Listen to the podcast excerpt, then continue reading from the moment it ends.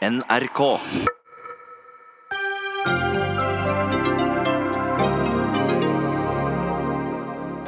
Miljødirektoratet sa først nei til oljeleting sør for Lofoten. Nå er det greit å prøvebore i akkurat samme område. Hva har endret seg? Antisemittisk, sier en kritiker om sketsjen fra NRK Satiriks, der en gammel ortodoks jøde og en ung, skjeggete mann spiller Scrabble. Vi måtte være drøye for å få frem poenget, sier underholdningsredaktøren. Men hva var poenget? Underholdningsredaktøren kommer selvfølgelig hit, i hvert fall med stemmen sin. Organisasjonen Fakkeltog gir ut valginformasjon på arabisk til potensielle velgere. Frp er skeptisk og mener det bør være en forutsetning å kunne norsk for å stemme. Og Dagens Næringsliv har kåret de 150 beste hiphop-albumene gjennom tidene i hele verden. Useriøs kulturjournalistikk, sier Dagsavisens anmelder.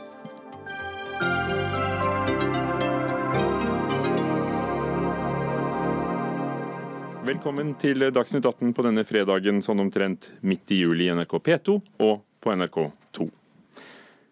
Gjennom 7000 år har hundrevis av korallrev vokst seg store opptil 150 meter lange rundt Trænarevet. Og i området like ved er det oljeselskapet Wintershell har fått tillatelse til å prøvebore. I det samme feltet som Miljødirektoratet frarådet oljevirksomhet i 2010, har de nå gitt tillatelse til denne prøveboringen. Miljøvernorganisasjoner og Politikere fra SV og Miljøpartiet De Grønne protesterer og har klaget og lovet omkamp, og den politiske debatten tar vi ganske snart. Men aller først, la oss høre med Miljødirektoratet. Ann Marie Vik Gren, senioringeniør og fungerende seksjonsleder i Miljødirektoratet. Hvorfor sa dere ja til prøveboring her? For det første kan jeg gå tilbake til når du sa at vi fraråda utlysning av blokka i den 21. konsesjonsrunden som var i 2010. Da var vi høringspart til, en, til en, et forslag til utlysning fra OED.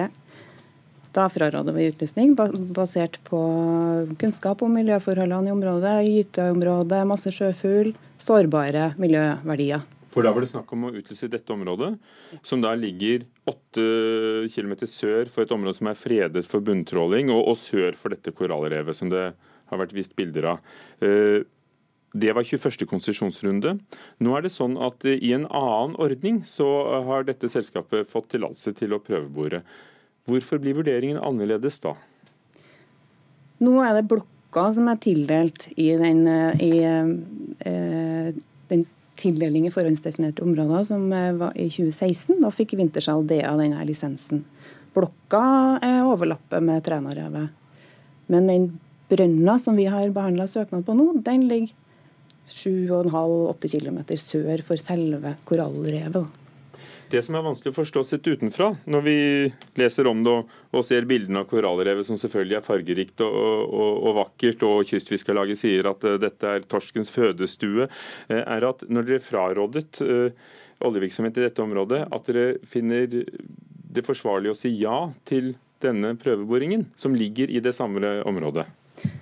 Nå ga vi en høringsuttalelse altså som høringspart i 2010. Nå har vi behandla en søknad om en konkret letebrønn som har én bestemt lokasjon, som ikke er på Trænarevet. og med en sånn søknadsbehandling, som vi må behandle etter forurensningsloven, være myndighetsutøver, så får vi jo mer konkret informasjon om akkurat den brønna som de har planlagt å bore. Det går på reservoaregenskaper. Hvor mye ville eksempel, Hvis du får et uhell, hvor store mengder olje ville gå ut over en bestemt tidsrom?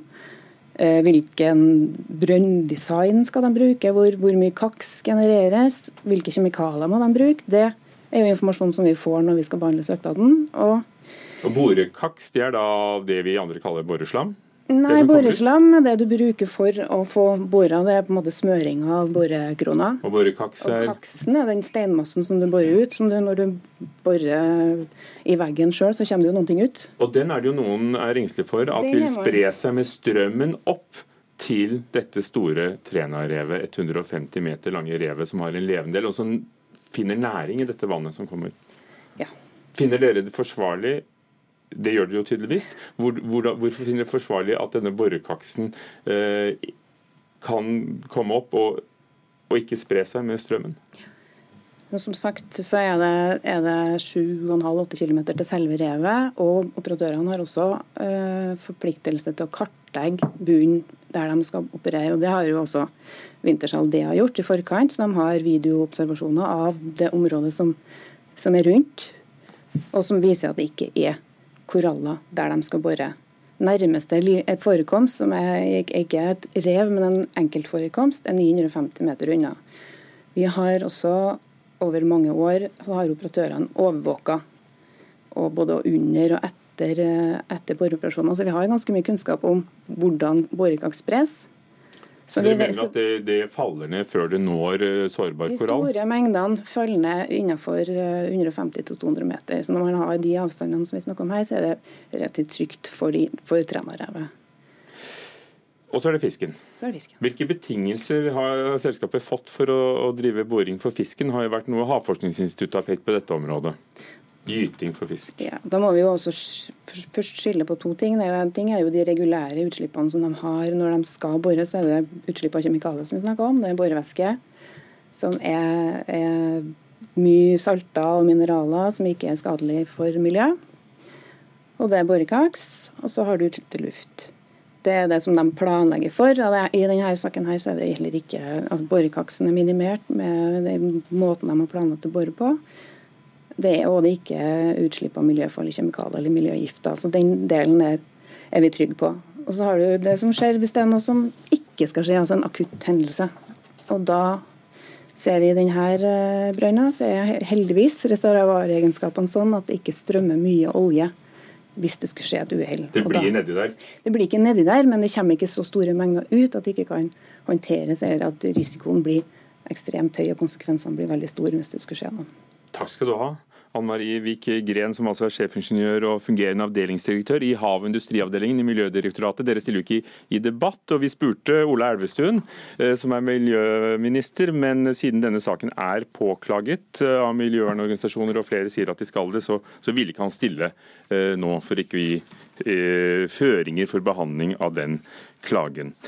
Men denne saken har vakt politisk oppmerksomhet. SV varsler omkamp i Stortinget. Miljøpartiet De Grønne har reagert. og Der er du, Toine C. Sandnes, fiskeripolitisk talsperson. Hvordan reagerer du på at eh, ikke bare er blitt ja til prøveboring, men at eh, i det hele tatt at det er blitt gitt en konsesjon til prøveboring? Ja, det reagerer jeg veldig sterkt på. Og det her er jo et godt eksempel på den politikken som denne regjeringa fører. Så alle faginstanser har frarådt oljeboring i dette unike og sårbare området, som er liksom selve porten inn til Lofoten. Og så holder regjeringa seg med i ordning, altså TFO-ordninga, tildeling av forhåndsgodkjent område, som, eh, som, gjør at de kan eh, tillate det her, åpne det her uten de grundige vurderingene som i utgangspunktet må ligge til grunn eh, i andre områder. Så Pga. TFO så kan vi nå havne i en situasjon der ja, Man har også vilje til å nekte norske trålere fiske i området, men man ønsker velkommen et, tysk, tysk, selskap eh, eid av en russisk oligark som uh, skal sette i gang prøveboring uh, rett ved torskens i fødestue. Og Det er nå 8 kilometer sør for det området hvor det er forbudt å tråle, men det er ganske sårbart, da, tydeligvis. Rikard Gaarde Knutsen, statssekretær i Olje- og energidepartementet. Som vi hørte, det er to måter å utlyse konsesjonen på. Dette området ble ikke med i 21. konsesjonsrunde, bl.a. fordi det ble frarådet av Miljødirektoratet, men det ble med på denne ordningen ordningen TFO for modne områder, som dere kaller det, har jeg skjønt på fagspråket. Hadde det vært nødvendig å utlyse det når det er så mange som uh, sier at det er sårbart? Denne regjeringen har sagt at vi skal føre en aktiv petroleumspolitikk. Det betyr at vi eh, ønsker å finne nye arealer, tildele nye arealer og kunne eh, sørge for at vi kan gjøre nye funn i fremtiden som skal generere inntekter til det velferdssamfunnet som vi kjenner i dag, som MDG ønsker å, å avvikle. Og Det vi har sagt er at vi håndterer disse prosessene ekstremt grundig. og Det er ikke riktig som Togne sier at vi nå bare kaster ut et tilfeldig område som vi ikke har noe kunnskap om. Dette har vært grundige prosesser som et bredt flertall i Stortinget har forankra seg bak. Eh, og sagt at disse områdene skal vi åpne, og de områdene det er de vi forholder oss til når vi tildeler konsesjoner i TFO. Uh, Tøyne. Sandnes, Det er jo ikke noe hemmelighet at uh, dere og Frp står diametralt motsatt i, i politikken rundt uh, hva vi skal drive med oljeleting. Og, og, Nå finnes det jo et regelverk som er fulgt, men ja? Ja, det finnes et regelverk. Det er fullt. og vi har eh, flere ganger tatt til orde for at denne TFO-ordninga eh, bør avskaffes. Den har sågar fått kritikk fra Riksrevisjonen, eh, der regjeringa har fått kritikk for hvordan de bruker denne TFO-ordninga. Og som jeg sier, at Du har jo også helt rett. Vi jo, har jo et helt motsatt oppfatning enn hva Fremskrittspartiet har i denne saken. Men da å si at MDG vil legge ned velferdssamfunnet, syns jeg jo kanskje er litt drøyt. Jeg tror ikke vi skal ta debatten om, eh, om, om, hvordan dere skal finansiere velferd. Men når vi har disse to ordningene, eh, hva er i veien med TFO? Kan du kort si det, Tøyne C. Sandnes, som du ser det? Ja, det er jo sånn at det, det er på en måte en, i mine øyne vil jeg kalle det for en snarvei til å åpne områder som ikke har fått den grundige behandlinga som, som, gjøres i forhold til en vanlig tildeling. Og da, for så er det jo nå, Hvis jeg ikke husker feil, så er det nå i år tildelt 90 blokker innenfor TFO-ordninga. Og det er jo tut og kjør som uh, Frp sin politikk for oljeboring er, og det er det de får til gjennom denne ordninga. Så den burde rett og slett uh, blitt skrota. Det er ikke det vi trenger i 2019. Er det en ordning Rikard Richard Gaarder Knudsen, som, som, gjør at dere kan omgå fagråd som fra Miljødirektoratet, som, som frarådet oljevirksomhet akkurat her? Nei, på ingen måte. Dette er direkte kunnskapsløst. for at eh, Toyne vet bedre enn dette. og som jeg sa i sted, Dette er ikke en ordning der det bare er tut og kjør til oljeselskapene gjør som dere vil. Dette er en ordning hvor vi tildeler områder hvor de kan gå i gang hvor de kan gå i gang og lete, finne eh, og undersøke mer. Og Når de skal eh, iverksette disse prosjektene videre, så krever det grundige undersøkelser som vi må godkjenne som regulator. Men Hvorfor ble det da ikke med i 21. konsesjonsrunde? Det var jo fordi bl.a. det ble funnet at det var for sårbart? Dette er et samlet vurdering som gjøres. og Vi har en stolt tradisjon i Norge for å bruke havressursene våre. Det har vi gjort i over 50 år, og det har tjent dette samfunnet. Men Hadde det, du trengt denne ressursen? Vi trenger nye ressurser. Det er lenge siden vi har gjort skikkelig store, gode funn i Norge. Vi trenger å gjøre flere. og Derfor må vi hele tiden tildele nytt areal, sånn at vi kan sikre at oljeselskapene fortsetter å være i Norge, utvikler teknologi, skaper arbeidsplasser. Jeg ønsker ikke å være den som eh, Toyne ønsker å åpne opp for og skulle slukke lyset i nord. Jeg ønsker å legge til rette for mer arbeidsplasser, mer vekst, mer verdiskapning. Det ber Nord-Norge selv om. Og Da mener jeg at dette er et eh, godt prosjekt, eh, og at eh, de skal kunne fortsette å gjøre dette på en god og bærekraftig måte, sånn som vi har tradisjon for. Vi skal, vi skal, fortsette den debatten og plukke den tråden ganske snart. Men aller først Pål Buhl Mortensen, seniorforsker ved Havforskningsinstituttet i Bergen. Vi har hørt om korallrevet, Trænarevet, som ligger da nord for dette området, dit vannet kommer til å strømme, for det er det de gjør. Hva risikerer miljøet ved denne prøveboringen? Ja, altså Det kommer på spredning av utslipp. og også utbygging og inngrep. rørlegging, installering. Um, eh, samla sett kan det påvirke korallrevene, som vi så at eh, hadde vært tilfellet tilbake ved forrige gang det ble gjort en leiteboring i området på hva var det, 80-tallet. Seinere i 2005 så, uh, så Havforskningsinstituttet på uh, skjelettene og gikk tilbake i tid og fant en økt uh, dødelighet i forbindelse med leiteboring da i samme område. 400 meter fra en brønn, da, vel å merke. Og, og, og, nå sier jo da at uh, Miljødirektoratet at dette er flere kilometer unna dette sårbare uh, Trænarevet. Er det da noe fare for at uh, borekaksen vil følge med så langt og kunne volde skade?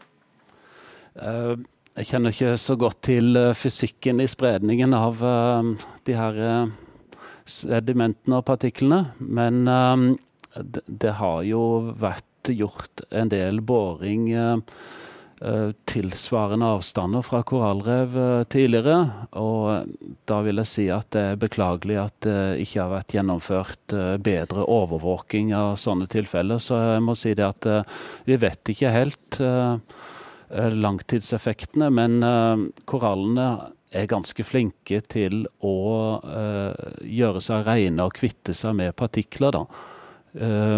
Men som sagt, uh, samla påvirkning er mer enn bare utslippene ved sånne utbygging av oljefelt. Så hvis det er såpass usikkert, Rikard Gaard Knutsen, statssekretær, altså, kunne dere latt tvilen komme korallrevet til gode? Disse diskusjonene knyttet til hvilke områder som er både modne og egna og sårbare og ikke, har vi store og brede diskusjoner rundt. Men skal vi legge til rette for en næringspolitikk i hele landet der vi skal fortsette å utvikle næringen, så er det politikernes oppgave å til slutt veie disse hensynene opp mot hverandre og ta en helhetlig beslutning basert på de mange faktaene vi har. Det er fagmiljøer som, som er bekymret for det ene, og det er fagmiljøer som er bekymret for det andre. Noen er positive, noen er negative. Og Her vil det jo komme en klage, den er allerede kommet. Hvis klagerne får medhold hos eh, miljø Miljødepartementet, altså Elvestuen. Eh, ja, hva skjer da? Blir det stopp, da? Jeg skal ikke kommentere den klageprosessen. Det blir nok fort en, en eh, samlet regjering som må ta en diskusjon knyttet til det. Så jeg, Vi blir nok også fort part i det, så jeg skal ikke gå dypt inn og mene så mye om det. Men utvinning, utvinningstillatelsen er gitt i forbindelse med utlysningen, og det ligger i utgangspunktet fast. og Så må man jo selvfølgelig vurdere den klagen som kommer, og, og de forholdene som er påpekt der. Tøyne C. Sandnes i Miljøpartiet dere vil jo da avvikle oljevirksomheten og, og finne, finne, andre måter å, å, sysselsette oss på. Men hvis vi legger det til side, eh, så mener jo du at eh, det uansett eh, også, all den stund vi driver med oljevirksomhet, er nok konsesjoner, er det ikke sånn? Ja, jeg mener absolutt at det er nok konsesjoner. Jeg mener at man bør i mye mye større grad hensynsta de næringene som vi allerede har i Nord-Norge. Fiskerinæringa f.eks. Eh, det høres ut som at eh, her, statssekretæren her fra Fremskrittspartiet føler at det er et unisont krav fra Nord-Norge om at vi må få åpna porten til Lofoten for oljeboring. Det er jo helt, helt feil. Alle, Samtlige kommuner i Lofoten har takka nei til oljeboring. Eh, Men dette er jo ikke Lofoten, vi er sør for Lofoten her, Sandnes. Ja, det er sør for Lofoten. Det er akkurat sånn at de, de nydelige havstrømmene som, som uh, frakter næring inn til uh, torsken, skreien i Lofoten, de går akkurat opp her og inn til Lofoten og fører med seg masse næringsrik mat som gjør at uh, torsken gyter akkurat her. og Det jeg prøvde å si i stad, var det at Nordland har altså en av, er en av seks fylker som har en arbeidsledighet under 2% Det er 1,8% arbeidsledighet i Nord-Norge. Det er ikke sånn at vi trenger olje i stuedøra døra våre for å ha noe å leve her oppe. Og Jeg vet ikke hvilke kommuner det er han ser for seg skal jobbe i denne næringa. Hvis du ser på Træna kommune, som ligger like ved dette feltet, så har jeg sjekka på statistikken eh, senest i dag. Det er åtte arbeidsledige i Træna kommune. Så det er ikke sånn at Nord-Norge ikke overlever uten olja. Ja, altså det er ikke, dette, er jo, dette er jo ringvirkninger det er snakk om for hele Nord-Norge. Og når jeg har reist rundt i Nord-Norge, vært på konferanser, snakket med næringslivsledere, snakket med kommunene, snakket med næringssjefer, de ønsker dette. De ønsker arbeidsplasser, de ønsker vekst, og det ønsker vi å fortsette å legge til rette for. Nå snakker vi om prøveboringen og forsvarligheten av denne. Pål Bull Mortensen, seniorforsker ved Havforskningsinstituttet. Dere er også skeptiske på instituttet til denne TFO-ordningen. Eh, hvorfor? Jo, det blir en uh, vurdering som uh, foretas ganske fragmentert, uh, blokk for blokk. og Havforskningsinstituttet etterlyser en mer helhetlig vurdering, og foreslår at TFO-ordninga innlemmes i forvaltningsplanarbeidet. og tar hensyn til økosystembasert tilnærming, og ser større deler av økosystemet samla og ikke bare sak for sak og blokk for blokk. For Hvis ordningen blir borte, Knudsen, er du da redd for at miljøargumentene ville fått eh, større plass? På ingen måte. og Det er heller ikke sånn at vi ser dette helt enkeltvis. Jeg må jo også minne om at Forvaltningsplanene som, som Havforskningsinstituttet her nevner, legger jo rammene for all den virksomhet vi gjør i havområdene våre, også denne ordningen. sånn at Det er jo ikke sånn at dette er frakoblet fra hverandre. Dette er et stort, finmasket nett som skal sørge for at vi gjør dette, at vi utvinner disse ressursene på en bærekraftig måte. Så må også si det. Nå er det jo enda ikke gjort et funn. Det er jo ikke lagd en utbyggingsplan. Men håpet ikke... for deg er jo at det skal skal bli gjort et funn. Toine Sandnes, eh, gir du opp kampen? Nei, jeg gir ikke opp kampen. Og nå kommer jo på en måte testen til en av de viktigste testene for Ola Elvestuen fra Venstre. Når han får denne anken lagt på sitt bord, så blir det interessant å se om han klar, om, om, blir, om, han, om, vi kan kalle han for en målsettingsminister. For han har jo veldig mange målsettinger Ola Elvestuen, for hva han ønsker. Men klarer han å få en praktisk politikk bak de fine målsettingene? Og da kommer nok han eh, også. Takk til dere som var her. Pål Bull Mortensen ved Havforskningsinstituttet, Togne C. Sandnes fra Miljøpartiet De Grønne og statssekretær i eh, Miljødepartementet Rikard Gaarde Knutsen fra Frp. Oljedepartementet, selvfølgelig. Dagsnytt 18 alle hverdager kl 18.00 på NRK P2 og NRK2.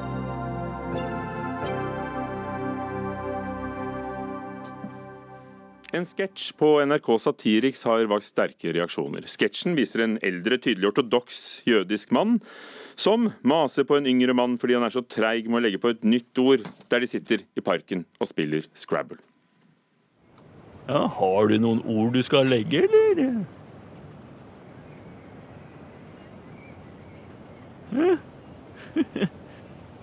Du må legge et skikkelig bra ord om du skal ha muligheten til å slå meg nå.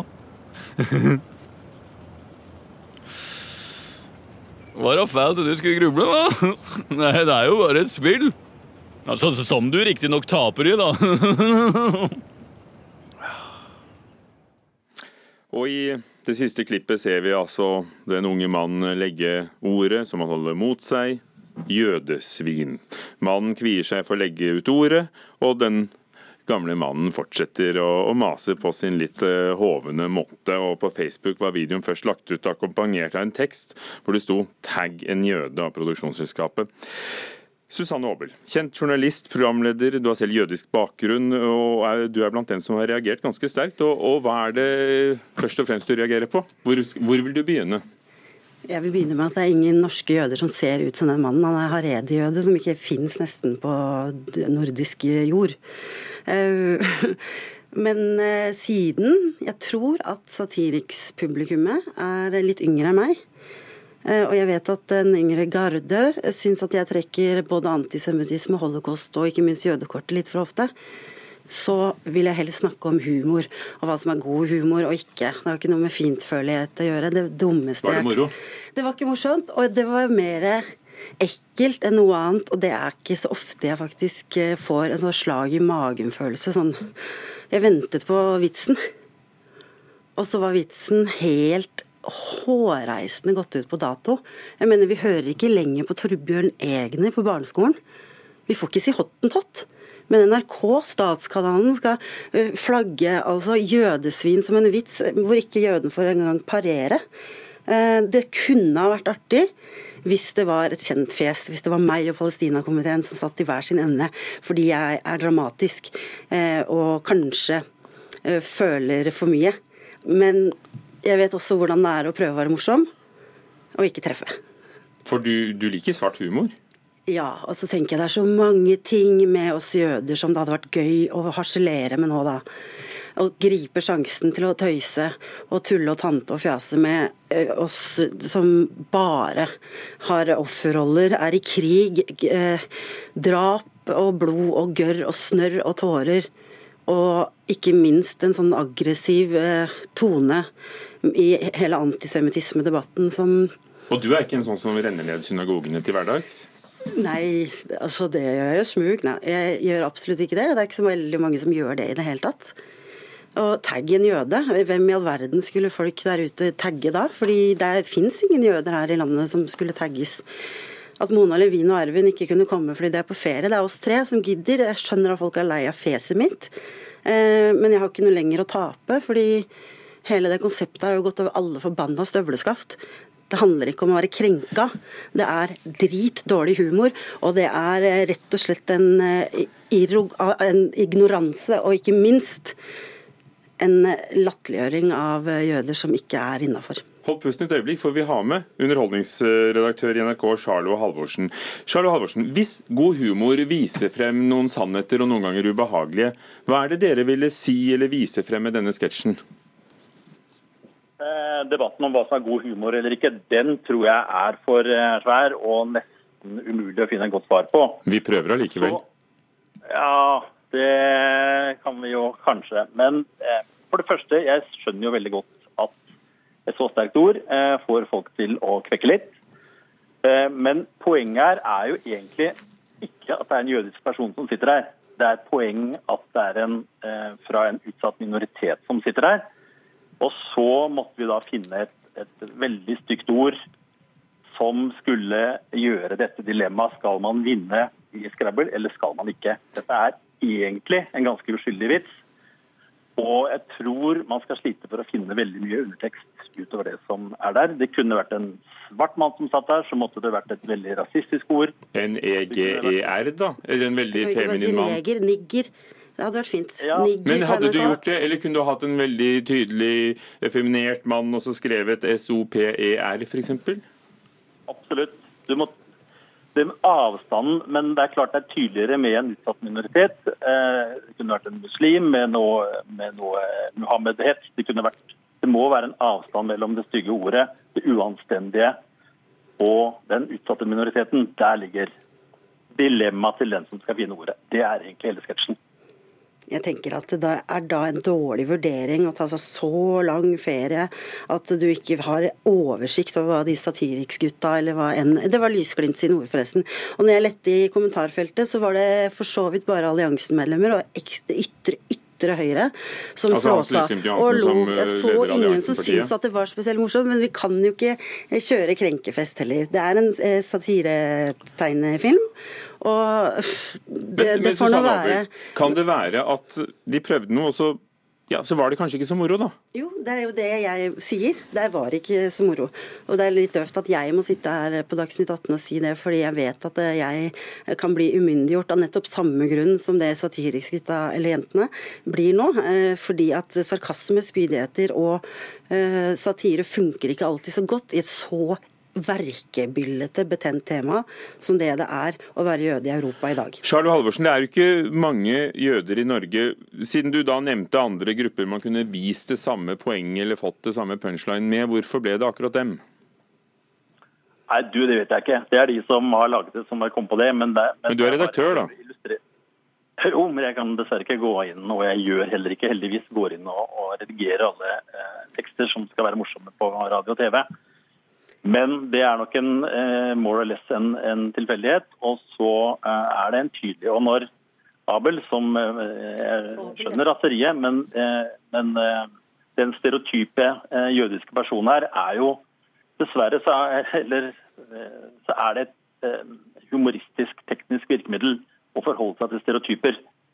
Skulle det vært en nordmann, så er det ofte Men Susanne Aabel, er det sånn at Så er det en stereotypisk jøde. Jeg mener, eh, Kunne vi ikke hatt en som lignet på Seinfeld der? Eller en som ikke så ut som en feit, nedlatende, hoverende, gørr, pill råtten idiot? For Det kan han jo hadde være at den unge mannen er jødisk òg, men det ser vi jo ikke. Vi ser ikke om det er noen tegn på det. Det spiller ingen rolle. fordi at eh, d- den jøden som ble fremstilt, ok, minner meg veldig om 1939. Men sånne ortodokse jøder treffer du på gaten på eh, 8th Avenue i New York. Ja, men da må du komme deg til 8th Avenue i New York.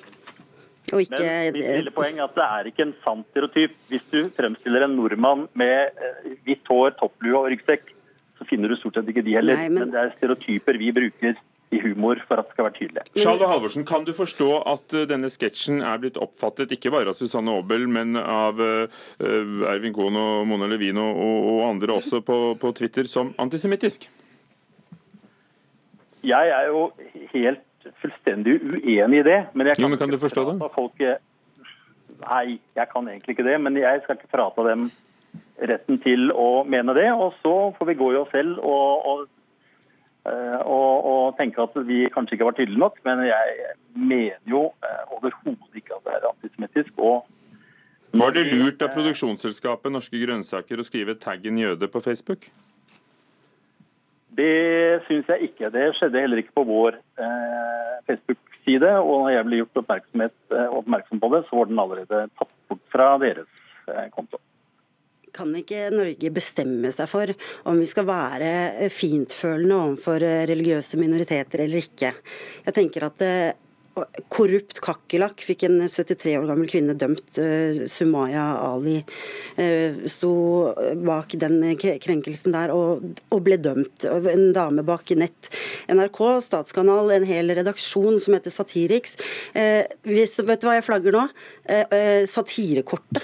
Kanskje vi ikke kan bruke det for meget heller. Man kan ikke pakke inn hva som helst i 'jeg er ikke rasist, men' eller 'det var jo bare spøk'. Fordi men ser du et poeng selv om uh, det ikke traff? Ser du poenget at det viser at ja, det er noen ting du ikke kan si, men du får litt lyst fordi vi har litt lyst til å vinne et parti Scrabble? Eh, ja, jeg syns bare at det var en uintelligent uh, satire. Jeg syns man skal ha mer smart uh, wit når man skal kjøre satire på jøder i Europa i dag. Og Forstår komikerne da, Charles Halvorsen, at, det, at kanskje det er et samfunnsansvar? da? Dette er jo den samme gjengen, produksjonsselskapet, som, som for noen år siden kalte gasskammeret fra andre, andre verdenskrig en pizzaovn i, i humoren sin?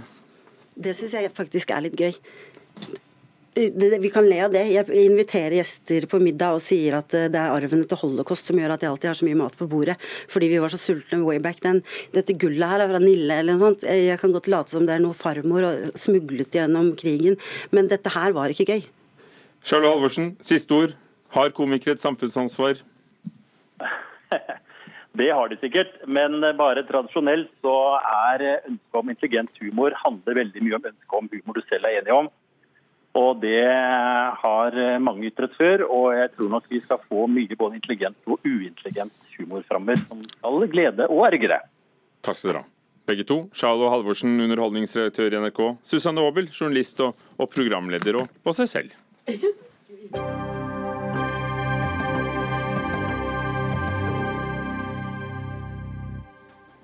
Vi har jo hørt det før. Både partiet Rødt og SV vil forby og tjene gode penger i offentlig velferd, altså å ta ut utbytte i det hele tatt, mens Arbeiderpartiet vil stramme inn bruken av private i offentlig helsevesen. Helsegründer og, og, grunnlegger nå sist av selskapet Aberia, som tilbyr nettopp helse- og omsorgstjenester. Nina Torp Høysæter mener et forbud mot profitt i velferden er et hinder, og da spesielt for kvinnelige gründere, kunne vi lese i Dagens Næringsliv. Nina Torp Høysæter, um, du var med å grunnlegge Norlandia, som også driver innen helse og omsorg, og er nå daglig leder i Aberia, som du var med å grunnlegge. Eh, hvorfor er dette spørsmålet om hvem som skal tilby tjenester i helsevesenet et spørsmål også om kvinnekamp? Fordi at veldig mange av oss som jobber i helsevesenet og i velferd, barnehage og helse er kvinner. Det er jo kvinnedominerte yrker. Og jeg kan ikke skjønne at ikke vi som eh, sykepleiere kan eh, starte for oss selv når vi har gode ideer og være gründer og drive entreprenørskap og levere tjenestene våre til offentlig sektor på linje med alle andre profesjoner som leger, tannleger, ingeniører. Så jeg tenker at det er absolutt en kvinnekamp. Eh, også er det en kamp for å rekruttere enda flere inn i omsorgsyrkene, fordi at vi vet at vi står overfor store utfordringer. Jeg er stolt av å være sykepleier og leder og gründer, fordi jeg tror at det å være innovativ er nødvendig for å bevare den norske helse- og velferdsstaten. Har det kostet? Det koster å være litt kjerringa mot strømmen, for å si det sånn. Men så lenge du har tro på det du driver med, så lenge du ordentlig oppfører deg ordentlig, leverer kvalitet og er virkelig opptatt av at folk skal trives på jobb og drive med godt lederskap, så tenker jeg det at eh, det, dette blir bra. Freddy André Østgaard, eh, stortingsrepresentant fra SV. Det er innen helse og omsorg at det er flest kvinnelige gründere. Det er der dere ikke vil ha private aktører inn i den offentlige helsevesenet. Eh, glemmer dere at dette eh, også er verdiskaping, og spesielt da for mange kvinner? Jeg tror det vi har glemt hittil i denne debatten, er jo også hvem som jobber på, på, gulvet i nettopp helse- og omsorgsyrkene, stort sett. Hvem det er som gjør de tyngste løftene i velferden vår. Det er helt riktig, det er kvinner. Og så er spørsmålet hvordan er det disse kommersielle, og det er de vi snakker om, de kommersielle private aktørene, er i stand til å ta ut et profittutbytte fra offentlig finansiert velferd? Jo, det er jo ofte gjennom akkurat det å kutte i utgiftene til pensjoner, til lønninger, til bemanning. Eller drive godt. Ja, men hvis vi ser på de eksemplene vi har, så er det nettopp der de henter ut profitten sin. Og Da er jo spørsmålet hvem er det som da taper på den der kommersialiseringen av velferden vi har sett de siste årene? Jo, det er jo nettopp kvinner. Det er de kvinnene som gjør de tyngste løftene i helse og omsorg. Det er de som får dumpa pensjonene sine, får dårligere bemanning på jobb. Det er de som får langt dårligere vilkår når det blir konkurranseutsatt og utsatt for profitt enn i offentlige eller ideelle, som vi støtter. Så jeg vil jo snu helt om på denne diskusjonen og si det er en kvinnekamp å faktisk si det. At hver eneste krone som fellesskapet bevilger til velferd, skal gå til velferd, og ikke ut i skatteparadiser eller formuer for de få. Nina Torp Høysæter, du reagerer på ordet velferdsprofitører. Men er det er det ved å gjøre, operere på denne måten at, at, dere har klart å drive? Og, og, og, som jeg skjønte på Dagens Næringsliv, så har du solgt uh, denne bedriften for 17 millioner kroner for noen år siden. Ja, eh, Det er de facto feil det du sier om at, at eh, vi eh, leverer dårligere lønninger og, dårligere pensjoner. Vi leverer tjenester til offentlig sektor gjennom konkurranse på like vilkår. Og, og, jeg tenker det at eh, vi som eh, kvinner og jobber i offentlig sektor, eh, og som være med Nei, nå snudde jeg litt. Det som jeg representerer er jo store kompetansemiljøer, og det er de samme menneskene som du snakker om. Og de er stolte av den jobben de gjør, om de enten jobber i offentlig sektor eller i privat sektor. Og de er like mye fagorganisert hos oss som hos dere. Så jeg tenker det at det blir en retorisk greie greie. Den største eh, profitøren på en velferdsmiks er nemlig mormor, som Heidi By Lundby skrev, Lunde, ja. skrev i går. Høyrepolitiker. Ja, det var veldig spennende. Kan jeg bare si, si veldig rett, fordi Jeg har altså veldig stor respekt for alle som jobber i helse og omsorg, om det er enten i private eller ideelle eller offentlige eh, tilbud. Det er ikke det denne debatten handler om. Tvert imot så er jo det at noen tar kostnaden. Og vi vet rent statistisk at kommersielle aktører bruker mindre på nettopp lønnskostnader og på pensjonskostnader enn det man gjør i henholdsvis ideell sektor, som vi også støtter veldig, og i offentlig.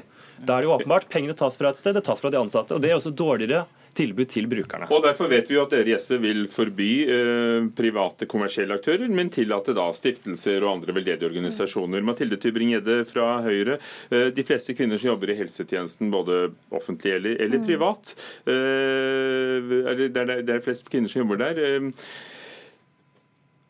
Lønninger og pensjonsrettigheter mm. er ofte bedre hos offentlige arbeidsgivere. Bekymrer du deg over dem? Det er det SV gjør her? Det er for noen grupper, men for andre grupper er det ikke det.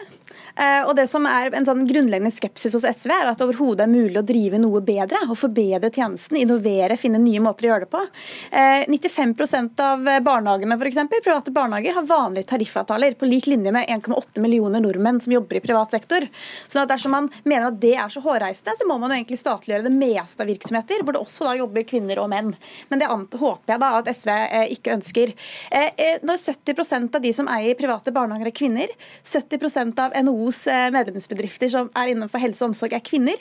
Eh, og man har så mange eksempler på kvinnelige gründere. Manglerudhjemmet er et veldig godt eksempel i Oslo. hvor man Etter at det ble privat, så var det Hilde Helland, en kjempedrivende dyktig eh, gründer, som klarte å skape fotballpub og generasjonsfellesskap. Fikk ned medisinbruken blant de eldre med 40 og ikke minst fikk ned sykefraværet blant de ansatte fra 10 prosent til 3 prosent. Så det er nettopp ved å gjøre ting annerledes, bedre, så klarte man også å gjøre et bedre og høyere trivsel for de som jobber der. Så det er ikke enten-eller. Eh, og jeg er opptatt av en velferdsmiks. Jeg er egentlig ganske pragmatisk. Jeg er ikke for private aktører til enhver pris. Jeg er tvert imot opptatt av at man bygger på det som er bra i den norske samfunnsmodellen, nemlig at små og store private aktører jobber og samarbeider med eh, stat og kommune til å løse viktige fellesoppgaver. Nils Kristin Sandtrøen, du sitter i næringskomiteen for Arbeiderpartiet. Mm, ja, Hvilken rolle mener Arbeiderpartiet at private kommersielle tilbydere skal ha i det offentlige helsevesenet?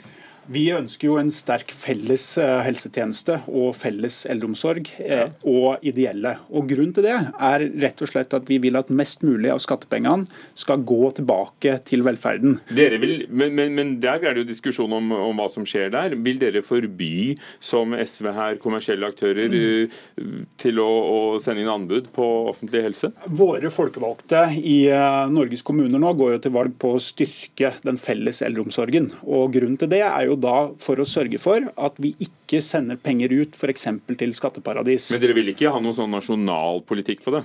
Ja, Det er vår nasjonale politikk at kommunene satser på den felles offentlige eldreomsorgen. Ja, altså Fordi- Dere vil bare at der hvor dere blir valgt inn i kommunestyret, så vil ikke dere legge noe ut på anbud? Ja, Vi ønsker jo å styrke da den felles omsorgen, som bl.a. Oslo Arbeiderparti bidrar til i Oslo, eller mange andre kommuner. Men bare for å Men dra, hvis dere dra satt i regjering med SV, Ja, Sandtrøen, må og de inn- sier at vi vil ha forbud mot kommersielle aktører, skal de få viljen sin der? Ja, men du må huske på det at Hvis det er de offentlige eller ideelle som driver, da er det jo rett og slett sånn at pengene går tilbake til velferdsstaten vår. Fordi, jo, for er, Her må vi ta inn et moment som er viktig. Her For ei uke siden så ble Aleris oppkjøpt av det internasjonale Triton, et multinasjonalt Ja, oppkjøpsfond. Nettopp.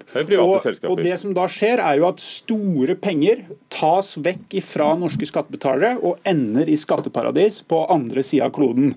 Og Derfor så vil vi heller bygge ut vår felles velferdstjeneste. og Det er det som er så problematisk når Høyre forsøker å tegne et bilde av at dette ikke er så farlig og småting. Fordi Logikken innenfor disse markedskreftene er at de mindre som det starter med, blir kjøpt opp av større fond, og dermed ender opp i store Og du er internasjonale redd for at skattepengene havner i et annet land også, fordi- i tillegg. For da kan du Men bare se mener du på at de driver en dårligere helsevirksomhet? Nei, men Du kan se på Sverige. Et av de selskapene Vi stopper der, fordi ellers så uh, får, vi, får ikke de andre sagt noe. Nei, Nettopp. Hva er din Eh, du reaksjon? snak- ja, Min reaksjon er ganske sterk, fordi at vi vil også styrke eldreomsorgen. Og vi vet at skal vi få en bærekraftig velferdsstat fremover, så trenger vi alle krefter. Vi trenger de ideelle, vi trenger de kommersielle og vi trenger det offentlige. Og Jeg mener hele tiden at det er det offentlige, og vi skal ha et offentlig helsestell, men det er bare utførelsen av dette. Og så tenker jeg du snakker om at pengene går til alle mulige andre. Vi er et norskeid selskap. Vår eneste øye behøvde pengene. Det- altså, det- det Nei, det behøvde vi ikke. Men i denne settingen så er eneste øya pengene går til er Andøya.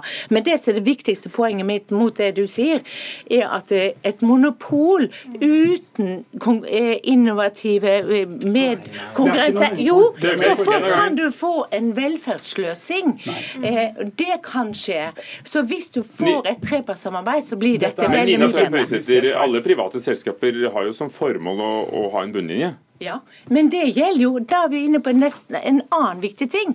For når det gjelder kvinnfolkarbeid som sykepleie og den type, da er det helt forbudt. Men for Arbeiderpartiet, i alle andre sammenhenger innenfor offentlig sektor, så er det lov å tjene penger. Vi har private som uh, sender inn anbud på å bygge de samme sykehjemmene, på å bygge sykehusene, på å bygge broer og jernbane, og nå det også drive jernbanen. Det er vel ikke dere for uansett, men, men sånn er det nå. Hvorfor skal det ikke skje i helse at vi har anbud regulert, og så kan private gjøre jobben? Grunnen er en viktig prinsipiell forskjell med hva som er målet med aktiviteten. For målet innen eldreomsorg det er jo best mulig kvalitet til besteforeldrene våre gjennom den tida og den oppfølginga som den enkelte bruker kan få av folk på jobb.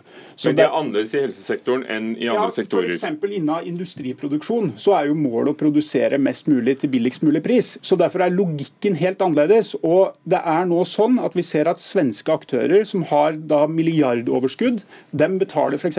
kun noen få tusen kroner til det svenske eh, landet i skatt, mens resten trekkes ut. Men i Norge ut. betaler norske selskaper selskapsskatt i Norge? Jo, men De samme selskapene er på vei inn i Norge. Det er jo derfor at det er så problematisk når Aleris nå f.eks. ble kjøpt opp av Triton, eller andre tilsvarende selskaper som har tatt stadig større markedsandeler. så får alle ordet etter hvert. Ja, her er det mye man, mye man kunne sagt. For det første så taler Arbeiderpartiet helt åpenbart med to tunger.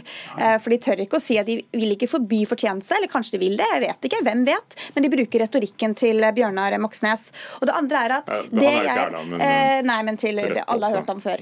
Eh, Men det som på en måte er eh, utfordringen her, er at jeg tror en velferdsmiks hvor det er ulike aktører, gjør at vi får mer igjen for hver eneste skattekrone som brukes på velferd. Jeg tror også du får bedre velferdstjenester.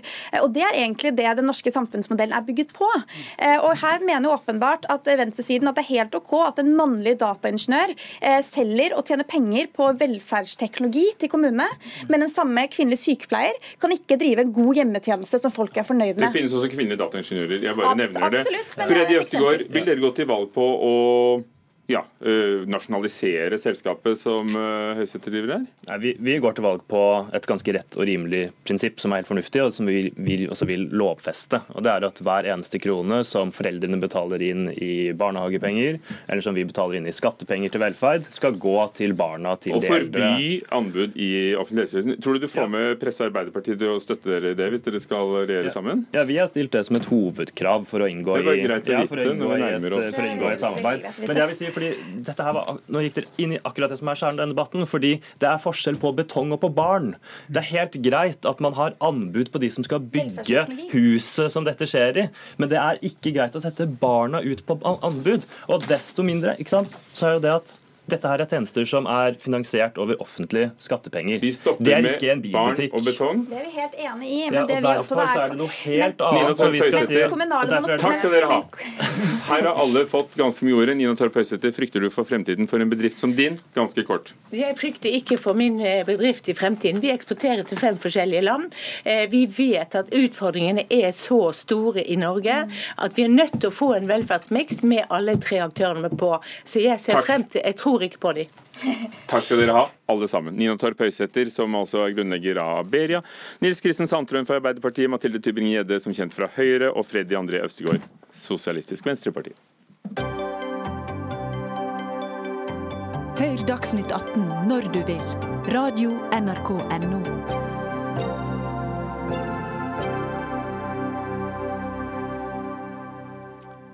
53% av innvandrergrupper fra land utenfor Europa brukte stemmeretten ved forrige kommunestyre- og fylkestingvalg. For den har man. Man kan stemme i eh, Norge også om man ikke er norsk, hvis du har bodd her i tre år ved lokalvalg.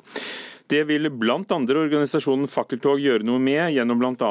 valgkampbrosjyrer og bakgrunnsmateriale på arabisk ønsker de å få innvandrere, som da snakker og forstår arabisk, til å stemme ved valget i høst. La oss begynne med deg, Jon Helgheim. Du er innvandringspolitisk talsmann i Fremskrittspartiet. Hvorfor er det ingen god idé? Jo, altså nå er det vel ikke det at uh, å oversette valgkampmateriell som er hovedproblemet. Nå mener jeg at det burde vært uh, krav til statsborgerskap for å stille, stemme ved alle valg, sånn som det er ved stortingsvalg. Så det er vel egentlig det som har vært uh, mitt utspill. det at noen velger å oversette materiell til andre språk, det er en naturlig konsekvens at regelverket er sånn som det er. og det er i seg selv ganske uproblematisk. Det jeg har stusset på, er at Eh, når det skal gjøres, så har vi sett at både offentlige instanser og eh, frivillige organisasjoner hele tiden henvender seg til eh, et veldig snevert eh, utvalg av eh, innvandrerbefolkningen. Og Det går gjerne da på arabisk og de arabiske landene og asiatiske landene som man henvender seg til. Og man henvender seg i liten grad til andre velgere, andre store innvandrergrupper, sånn som østeuropeere og den slags. Hvis man først skal gjøre dette, så må man jo mene at det er like viktig at alle innvandrere stemmer, og ikke henvende seg bare bare på arabisk. Det syns jeg er veldig snevert. Og Nå er det jo Valgdirektoratet som, som støtter dette arbeidet, og, og, til flere aktører også. Men en av dem er altså dere, Hege Horsberg i Fakkeltog, som du har vært med å, å grunnlegge. En ideell organisasjon som har som mål å bedre fremtidsutsiktene for eh, mennesker som har vært på flukt. Hvorfor har dere valgt arabisk? Eh, først har jeg bare lyst til å kommentere at jeg skjønner godt at Helgheim eh, etterlyser flere kampanjer som retter seg mot østeuropeere.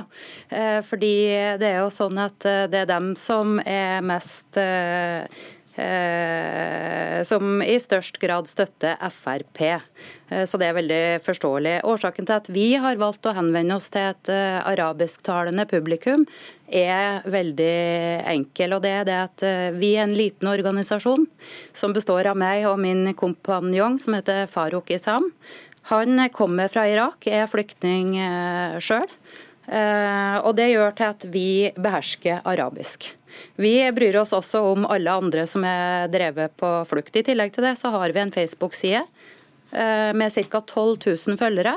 Og ca. halvparten av dem er norsk, og ca. halvparten av dem er arabisk. Og Det betyr at uh, siden vi er små, så har vi da valgt å jobbe målretta med dem som har arabisk som morsmål, for det er det som vi har best forutsetning for å lykkes med. Jon Helgheim, eh, for å ta det først, har du noen politiske motiver for hvilke, hvilke grupper du gjerne ville nådd med valginformasjon? Ja, jeg mener at uh, Hvis man skal nå ut med valginformasjon, og da uh, mener jeg spesielt offentlige instanser som har drevet med dette, for det har jo vært flere kommuner og flere offentlige instanser som har drevet med uh, formidling av valginformasjon på forskjellige språk. og Veldig ofte har jeg savna at, et, at man henvender seg til et bredt spekter av innvandrerbefolkningen, hvor flere ganger har sett at europeiske innvandrergrupper har blitt helt utelukka eh, fra valginformasjon. og Det er det jeg egentlig kritiserer. Hva en eh, organisasjon velger å bruke sine midler på, det skal ikke jeg legge meg for mye opp i.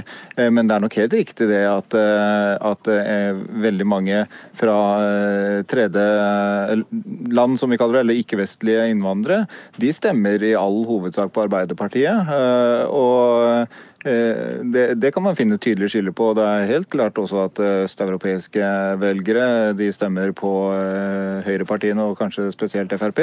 Jeg mener uansett at man må komme ut med informasjonen til alle på, et, på en bred og god måte. I hvert fall når det er offentlige midler som brukes på det. og det, Der har vi sett at det har vært svikta mot tidligere. Og Det er vel direktoratet som skulle svart på det, hvordan de ordner det arbeidet. og Det er jo også flere andre organisasjoner. Har du noe oversikt over hvor mange språk lignende informasjon finnes på?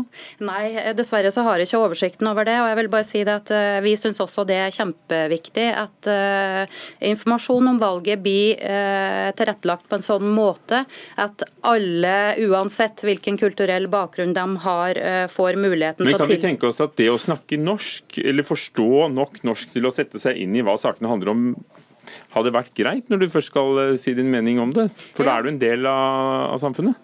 Jeg skal svare på det snart, og så skal jeg svare på det første spørsmålet du stilte. fordi Valgdirektoratet har ikke oversikten over alle de har støtta, men vi er altså en av 13 organisasjoner som har fått støtte.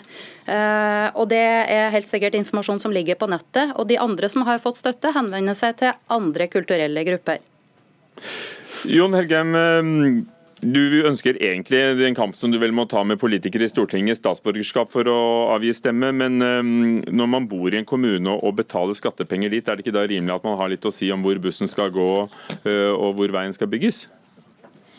Jo da, Hvis man skal engasjere seg i uh, samfunnsdebatten i Norge, hvis man skal integrere seg og bli en del av det norske samfunnet, så uh, er det veldig bra. Jeg ser jo på det som en helt grunnleggende forutsetning at dersom man ønsker det, ha et ærlig og oppriktig engasjement i det landet man bor, så vil det vel det første man gjør, er å lære seg norsk, sånn at man vil forstå den informasjonen man får på norsk. jeg tror nok man ikke hadde utelukket veldig mange av eh, oppriktig samfunn samfunnsengasjerte innvandrere ved å ha informasjonen på norsk, for eh, det er en forutsetning om at det er det første man lærer seg. Eh, så jeg er det rart fordi for mange, jeg, Nå man... renner tiden ut for oss, men Hege Horsberg til slutt, tror du det vil øke engasjementet før valget og få ut informasjon til dem dere når, da? Vet du hva, Vi har jobba med det prosjektet her i seks måneder. Vi har vært i dialog med ca. 120 mennesker. Vi har gjennomført 60 intervjuer.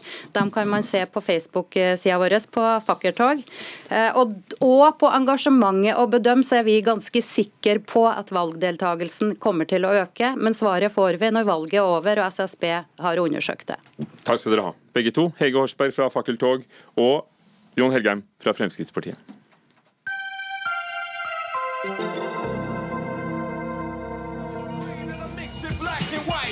Living in the land where the Lord say, mixing up race makes the blood impure.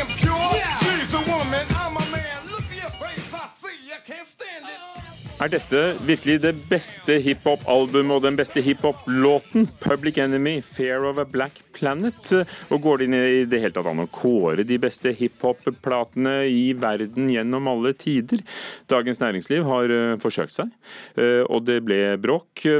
Ida Madsen Hestmann, musikkanmelder og fungerende kulturredaktør i Dagsavisen. Hva er galt med en sånn ja, litt uhøytidelig, men likevel en juriert kåring av 150 beste hiphop-album? Eh, mange kan vel diskutere hva som er galt med, med lister liksom på generelt nivå. Og alle må jo få lov å skrive lister, men eh, jeg tror jeg reagerer eh, mest litt på vegne av musikkjournalistikken og kulturjournalistikken eh, når jeg ser denne lista. Eh, ikke minst fordi jeg tenker at den uh, bærer litt preg av å kanskje virke ikke helt kompetent. Uh, og da lurer jeg litt på hvorfor den har fått breie seg ut så mye som den har gjort i Dagens Næringsliv. Eh, Vil du kåret det annerledes? Vil du funnet andre låter her? Det ville jeg sikkert gjort. Men OK, ta for eksempel hvis du hadde google topp best hiphop albums på ja, sjekk det på Google, så får du vel mer eller mindre den topplista som står der. Eh, og det er liksom ikke noe hokus pokus, det der. Eh, men man kan jo lure litt på hvordan man har kommet fram til eh, plasseringene på lista. Det er jo én ting. En annen ting er åpenbare kanskje jurymedlemmer som er fraværende. F.eks. Dagens Næringslivs egen Øyvind Holen, f.eks. Det er ja, ja, men La oss spørre, da. Torstein Selvik, du har laget slike lister for Dagens Næringsliv siden 2003. Eh, og dere er tolv stykker i juryen, likt fordelt mellom kvinner og menn. Ja, Hvem er dere, og hvordan har dere gjort det? Ja. Altså, jeg begynte med disse listene for 20-25 eh, år siden, spesielt rundt 2000-tallet. Da var det mye rare lister, så vi ville gjerne bidra til å, å kalle det folkeopplysning. Og jeg satt sammen juryer hvert halvår for to ganger i år å publisere våre lister. Eh, denne juryen her er, mener vi er veldig bra. Hvis noen andre mener at denne juryen ikke er bra, så vil det alltid være meninger om juryer. Eh, hvis noen mener at denne listen ikke er bra, så vil det alltid være meninger om lister, og det gjelder også denne listen. Vi har fått eh, masse oppmerksomhet rundt våre lister, og det har vært på, mange måter hensikten Er det bra i seg selv sånn. å få oppmerksomhet, er det det det handler om? Nei, det er bra å få oppmerksomhet rundt musikksjangre. Vi har hatt de beste country, de beste punk, de beste debutalbum, de beste eh, nå hiphop. Eh, så det er veldig viktig og veldig bra å få oppmerksomhet rundt musikk som sjanger og som kunstform, og ikke minst hiphop, som er et, et, kanskje den viktigste musikkformen i vår tid. Ja, eh, vi er vel ikke uenige der. Men eh, det handler jo også litt om hva er det du får oppmerksomhet for? Hva er det man diskuterer? Er, det, er det sånn at eh, toneangivende personligheter i Hiphop-Norge f.eks. bryr seg om lista? Er det sånn at de diskuterer den? Eh, diskuterer man kvalitet? Diskuterer man hvor album f.eks. er plassert? Eh, liksom, hvor, eh, hvor viktige har de vært i sin samtid? hvorfor er de viktige f.eks. historisk? Faktisk. Det står veldig lite begrunna i teksten som kommer i tillegg til lista, om begrunnelsen begrunnelsene og hva som ligger til grunn her. Det er veldig få premisser her. Ja, vi, det vil jeg gjerne vite. Hallo, hallo, vi fremviser 150 hiphop-album som vi har arrangert. og Det å rangere syns vi er viktig, fordi at eh, man da får en uh, lettere en debatt. Så Det syns vi er viktig. Men begrunner dere det? Forteller dere litt om hvorfor de er viktige, og, og, og, og hva de representerer? Altså Hvis du setter opp en liste alfabetet, så syns jeg den blir ofte lammere, mindre interessant. Hvis du rangerer, så tar du et standpunkt, og da er det lettere å få en debatt. Det andre som jeg vil si, er at det finnes et kall det musikkpoliti eller et musikkjournalistikkorps i Norge. Norge er et lite land, Oslo er en liten by. Og de må ikke tro at de skal ha monopol på å mene noe om, om uh, hva som er de beste platene. Det må jo folk få lov å mene som de vil. Er det en Oslo Bergen-debatt, dette her? Eh, men altså, nei, hva sa nei Folk skal mene hva de vil? Vi har, vi har, siden 2003, når vi begynte med disse listene, vi har hatt mange mange lister, så har det vært et gjennomgående eh, poeng. Det har vært at musikkjournalister de er imot at vi skal få lov å lage lister. Det har vært, vært nærmest trusselbrev mot, eh, mot, eh, mot, mot oss. Dere må slutte å lage lister. Det skal vi som er musikkjournalister gjøre. Er, det, er, er, du en musikkjournalist eh, først? Og to, eh, det er ikke noe menneskerett at eh, hvermannsen skal lage en liste som skal få plass på er det tre eller fire Nei, denne, sider denne i det som er et av Norges mest toneangivende eh, aviser, og som tar journalistikk på alvor. Og da regner jeg med også at de tar musikkjournalistikk på alvor. Ja, og, og hiphop som sjanger, og alle andre ja. musikksjangere regner med at de tar på alvor. Her savner jeg f.eks.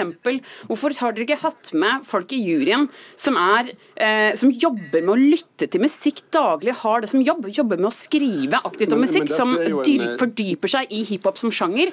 Og der har du mange, bl.a. din egen Øyvind Holen, som jobber i dag. Næringsliv. valgt folk med mer greie på hiphop, selv om alle har lov til å lage lister. Det vet vi jo, det er et fritt land. Vi har med fire artister i juryen. Vi har med flere, to, to journalister i juryen. Eh, det er også på, på, en sånn arrogant måte påstå at vi ikke har, peiling.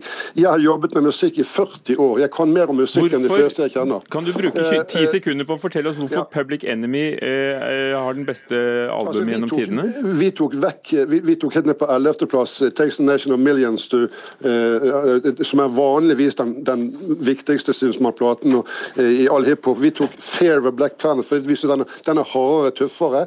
Og vi hardere, tok den som et... tøffere, nesten like tøff som jeg må være nå. Takk skal dere ha, fordi sånn, sånn blir det. Det var alt dere fikk sagt. Torstein Selvik, som laget listen for DN, og Ida Madsen Hestmann, musikkanmelder i Dagsavisen. Dag Dørum var ansvarlig for Dagsnytt 18. Lisbeth Sellereite, teknisk ansvarlig. Takk for oss.